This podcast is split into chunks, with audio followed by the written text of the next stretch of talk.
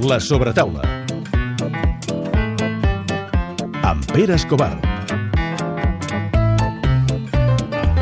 És el dia de la ràdio i estem amb un mite de la ràdio. Hem de parlar de ràdio, no? Avui no, no podíem fer una altra cosa. Sabeu que celebrem a Catalunya Ràdio, el, aquest Dia Mundial de la Ràdio.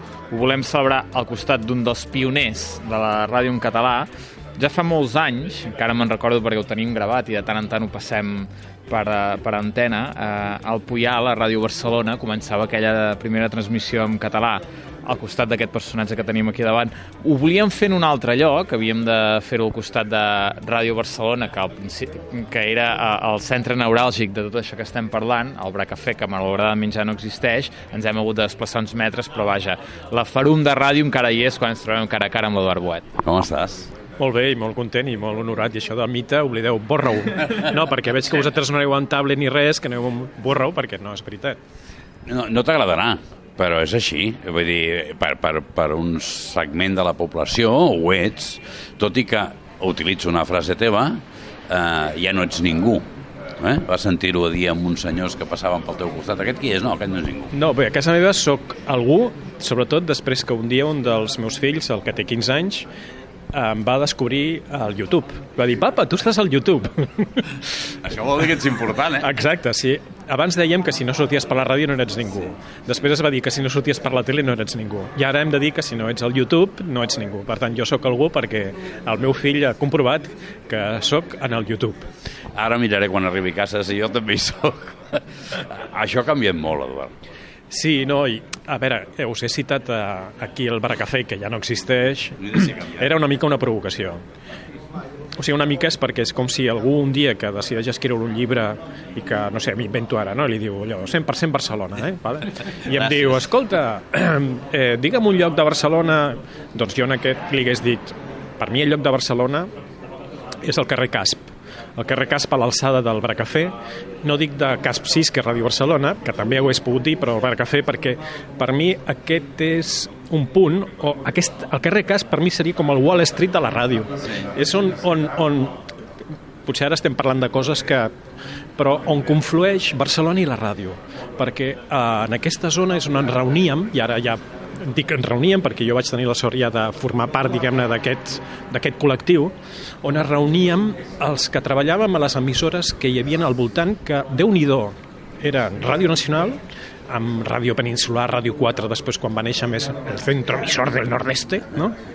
Ràdio Miramar, que estava a la plaça Catalunya Nou, que feien una gran programació. Ràdio Miramar era d'un gallec que es deia Marcelino Rodríguez de Castro, però va reunir gent d'una gran capacitat, que segurament ara molta gent li sonarà, Carlos Herrera, per cert, eh, feia uns programes magnífics, un d'ells el recordo que es deia Mariano 23, Pedro Bernal, el José Luis Parada, la Clàudia Torres, la Julia Otero, i després hi havia Ràdio Barcelona eh, i allà ens reuníem i parlàvem de ràdio. O sigui, ara us parleu amb WhatsApp, no? Sí, sí. o no, i allà parlàvem de ràdio. I allà veies allà sí que jo veia els mites. Em anava a prendre un cafè, jo era un aprenent de Ràdio Barcelona i em trobava al Rodríguez Madero, a la Maria Matilde Almendros, al Frigola, a l'Antoni Serra, no?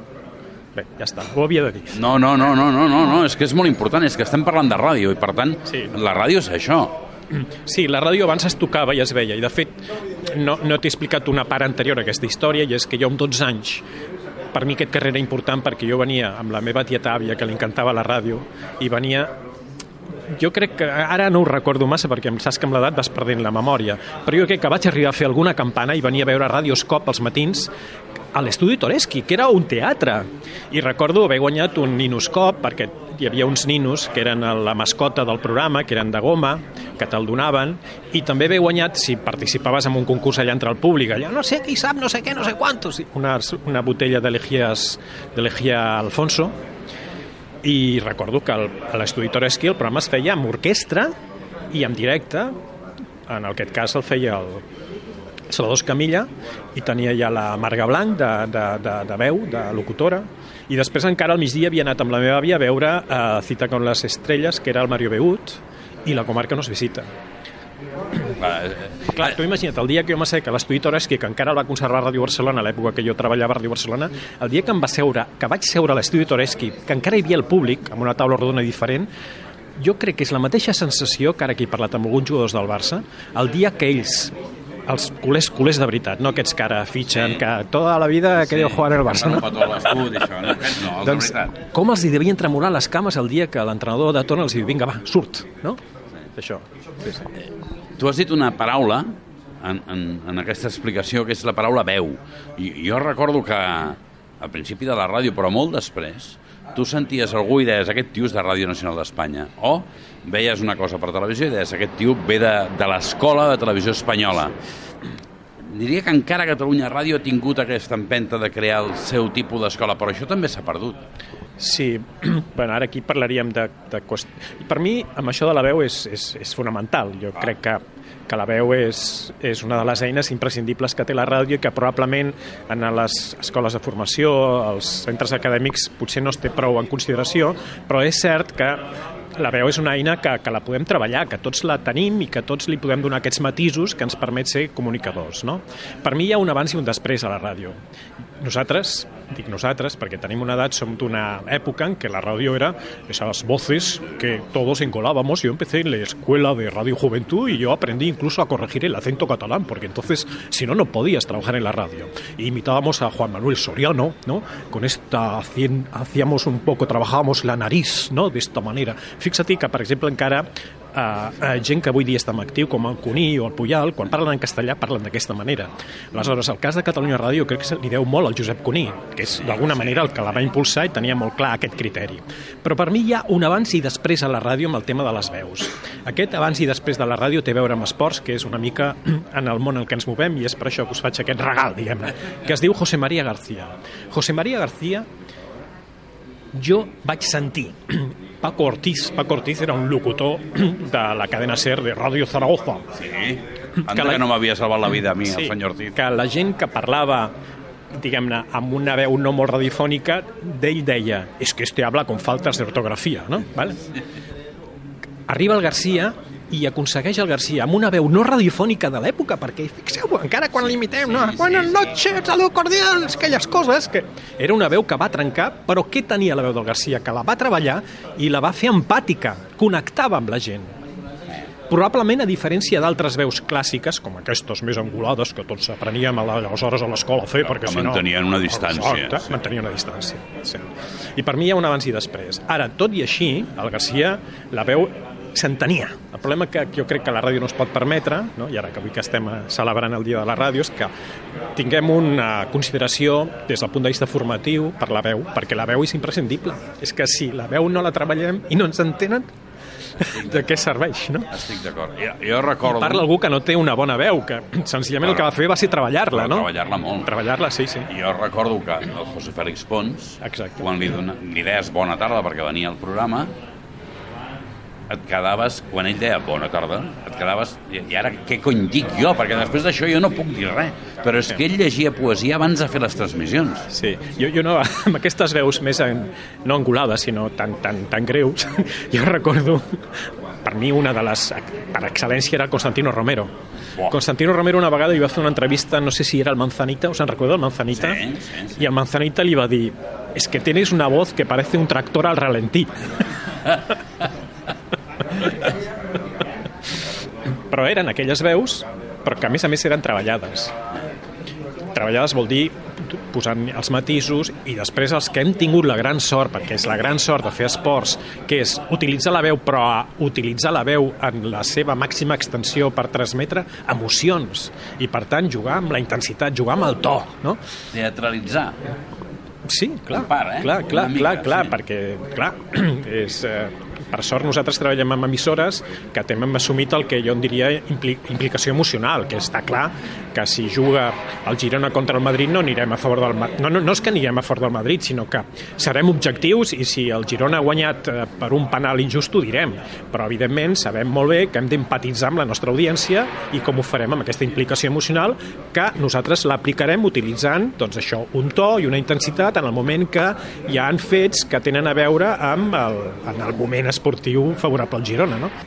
Parlem de les transmissions. Eh, tu vas començar amb, amb les de televisió, a TV3... Ara que vaig començar a la ràdio, Ràdio Joventut. Bé, sí. No, no, és que tinc un primer partit que, Ah, que doncs- em fa molta il·lusió doncs, recordar-lo. quin? Júpiter Zamora. Oh, És el primer, Júpiter! el primer partit que vaig retransmetre l'any 75, crec, promoció d'ascens a tercera divisió. El Júpiter havia quedat primer de ter... bueno, en el grup de, de, de promocionar de tercera, de preferent, era una època que eh, les divisions eren molt diferents d'ara, no hi havia segona B, per tant la tercera era l'autèntica segona B, i després hi havia una preferent que seria l'equivalent, hi havia tres grups de preferent, seria l'equivalent a tercera d'ara. Després hi havia una primera regional, segona regional, tercera regional. I el Júpiter va quedar, per, per promocionar, va, li va tocar jugar contra el Zamora. I a Ràdio Joventut teníem un cap d'esports que tenia una visió immensa, genial, de, de les necessitats que ell tenia que hi havia l'audiència que tenia Ràdio Joventut i va dir aquest partit l'hem de fer vam trobar un sponsor de la Berneda, concessionari de cotxes, etc. I jo viatj, vaig viatjar amb el Júpiter, que encara recordo hi havia portera Valiente, que havia jugat al Barça, també Bueno, l'entrenador era, Pep Seguer, i jo vaig viatjar amb el, amb, el, amb el Júpiter, que molts dels jugadors era la primera que agafava un avió, agafava un caravel que anava a Madrid i d'allà un autocar fins a Zamora, fent parada a Toro, i allà van perdre, van perdre per 1 a 0, que aquí havien empatat i no van poder, a més els hi van robar el partit, aquests partits, bueno, en fi, aquestes coses. Aquelles coses que passaven aleshores. Sí, i aquest va ser el primer partit que jo vaig retransmetre sencer i que no sé com devia anar perquè la veritat és que... Segur que va anar bé. Bueno, imagino que devia estar imitant a l'Agustín Rodríguez, que havia estat el meu mestre a Ràdio Joventut. I aquest va ser el primer partit, Si seguim doncs, l'ordre cronològic, després vas a parar a futbol en català. a Ràdio Barcelona, sí. Eh, I he llegit, no em preguntis on, perquè he llegit moltes coses, eh? però he llegit eh, que el Quim et cita Sí. eh, aquí. Al Bar Fallos, que estava al costat del Bar Café. Eh, no direm què passava al Bar Fallos a la tarda. Eh, Preparaven programes de ràdio molt interessants. molt interessants. Sí. Però, eh, I demana un cafè americà, que tu et sorprèn perquè és el primer cop que el veus, Sí, sí. i et diu, jo vull fer futbol Sí, jo, català. jo no sabia el que era un anys, cafè americà. I això que jo havia estat treballant a Londres de Coffee Boy i allà feia black coffee i white coffee. Jo vaig estar treballant a Londres eh, just a l'estiu que al Barça vaig fitxar Cruyff i estava de cambrer allà, de Coffee Boy, i ve un, un, un client d'aquesta tota la vida em diu one million pounds. O sigui, el, el, el, el fitxatge era, va ser el fitxatge més car de la història un milió de, de, de lliures esterlines. Atenció, en l'època la lliure esterlina no, sentia, no tenia el sistema decimal, eren una, una lliure esterlina tenia 120 penics, eh? imagina't. Sí, 120? Sí, sí. Bueno, aquelles Aquests ja coses- estaven en el Brexit. Sí. Han estat tota la vida. Sí, doncs eh, el Puyol em va citar i va prendre un cafè americà i jo no sé què vaig demanar i em va dir, bueno, et fitxen com a, com a segona veu, no? Jo era una mica el- aquest- d'aquests jugadors que fitxa el Barça, que després els deu cedir a no sé on, no? Però, bueno, per jugar... Però tu feies la transmissió per una mitja, una mitjana. Sí, això va ser quan, quan arribo. I em diu, però no et pensis que... Dic, no, no, no, no, per favor. és que no sé, imagino. si ho traslladem al que ara tothom, eh, perquè pugui entendre, doncs no sé, imagina't que el Barça fitxa o que fa pujar el Riqui Puig al primer equip i el Messi el crida al despatx o no sé si deu tenir despatx al Messi però tot És pinta més que, que sí. probable, sí. i li diu ep, Eh, aquí... Aquí, cuidado. No, no, no, no, no, no, per favor. I bé, i llavors vaig, vaig començar a fer eh, transmissions en castellà, perquè Ràdio Barcelona també les feia en castellà i anàvem junts, i amb l'aparició de l'Àlex Botines, que és una persona clau també a la meva vida i crec que a la vida de l'esport, de la ràdio, del periodisme a Catalunya i, i més enllà, eh, diu, per què no fem també el bàsquet en català? I el hockey en català i l'handbol en català. I jo vaig començar a fer bàsquet, handbol, hockey en català. I del bàsquet me'n sento molt satisfet perquè gràcies als lingüistes de, al lingüista que hi havia en aquella època al costat d'en Puyal, que és en Jordi Mir que és una persona extraordinària però també a gent del bàsquet com en Nino Buscató em van descobrir una terminologia que el bàsquet català havia fet servir però que havia quedat amagada perquè mediàticament el bàsquet l'únic que havíem estat sentint era l'Héctor Quiroga de l'època, que era dos puntos arriba, dos puntos abajo, en cesta, etc. I en bàsquet ja es parlava de fer bàsquet i vam començar a introduir l'element de fer bàsquet i a partir d'aquí vam, vam introduir altres elements dels quals jo em sento una mica un, no un pare, un, un tiet, eh? un, un padrinet. Eh? No, no, no, no. no. Un padrinet. Perquè fixa't, des de que hem començat hem anat dient coses que es van haver de crear. Com es va crear la Sí, mitja hora abans i mitja hora després. Però, però això és perquè algú ha de, algú, algú ha d'estar al primer... Algú arriba primer. Sí, clar, doncs, oi, has tingut igual la com sort d'estar primer a la cua. Ah, no, però és que estem parlant d'una època que quan jo a casa meva els hi vaig dir que el que jo volia dedicar-me a la ràdio, la meva mare i el meu pare van fer una cara a la faràndula, clar, perquè la ràdio era això. I aleshores jo vaig començar a treballar a ràdio d'amagat. Fins que un dia la meva mare em diu, jo anava a Ràdio Joventut i als matins llegia l'horòscopo, i la meva mare em diu, escolta, em diuen que hi ha un que es diu com tu, que llegeix... Ara ben contenta, pobra dona que estaria, sí, clar, quan després... I orgullós. Bueno, sí, sí. Home, No, ja retallava coses, sí, sí. veus? Eh, Sí, sí. Tots tenim una mare que ha retallat coses. Sí, i tant, clar, sí, sí. Doncs aquí ens n'anem a la mitja hora abans i mitja hora després. Sí, això és un invent de l'Àlex Botines i el Joan Castelló Rovira. Sí, i som els primers que ho fem Sí.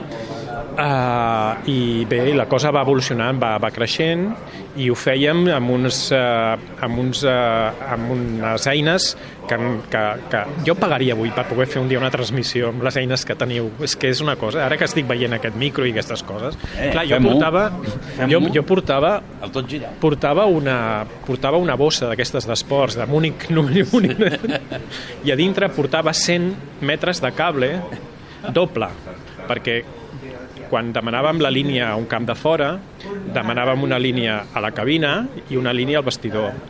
I llavors al vestidor jo enxufava el meu Itame, que en dèiem, i allà enxufava jo el meu micro per moure'm pel camp, i era un micro amb cable. I he de dir que aquella mitja hora es podia fer gràcies a, a una cosa que avui pot semblar que parli en xinès, a la a l'ajuda dels jugadors del Barça i de l'Espanyol si fèiem amb l'Espanyol i a la generositat i a la simpatia i a l'amistat dels jugadors d'aquella època fins i tot de jugadors com Maradona o Schuster eh? si, si, si la cosa anava bé eh? Ja que has parlat de Maradona, hi ha una anècdota que vull que em confirmis. Estàs un dia a vestidor, et cau l'escuma del micròfon, passa Maradona per escalfar, sí. la veu, l'aixeca amb el peu i anar tocant, la, se te l'endú jugant. Sí. sí, bueno, Aquest era el nivell sí. de, de, de relació. Ara sí. impossible. O, per exemple, per exemple, que estàvem a l'aeroport de, de Barcelona, el Barça jugava al camp del Racing de Santander i ve Maradona i ens demana, si plau si podem portar el Cister Piller i la seva tropa a, de Bilbao a Santander amb el cotxe nostre que havíem llogat. I sí, sí, i els van pujar. I, i el meu del cas és que, bueno, jo no sé ara si és així, però quan surts de l'aeroport de Bilbao, després ja vas cap a Santander i arribes a la cornisa cantàbrica autèntica i veus el mar Cantàbric. I just en aquell moment, perquè havien passat una mala nit, suposo, els dos amics de Maradona es van despertar i diuen «Che, què río es este?» bueno, ells tenen Rio Sí. de la Plata, que és com un... Però, per exemple, Maradona, en el, en el millor gol que ha fet, jo crec que amb el Barça, que és aquell a l'estadi de l'Estrella Roja de Belgrat, jo tenia un cable que em van deixar els de la televisió jugoslava, compte, parlo de Jugoslàvia, eh, encara, i el cable no m'arribava fins a on m'arribava. I el Maradona va venir des d'una punta fins on estava jo per explicar com va ser aquell gol, que és un gol eh, que no sé si la gent recordarà ara, però que fa una mena de... Bueno, ara el, el Messi d'aquests en fa molts, però clar, en aquella època Messi no sabíem ni que hauria de néixer, no? Potser no havia nascut ni el seu pare, sí, possiblement sí, no? Però, Sí, els pares segurament. Però no sé que havien conegut encara.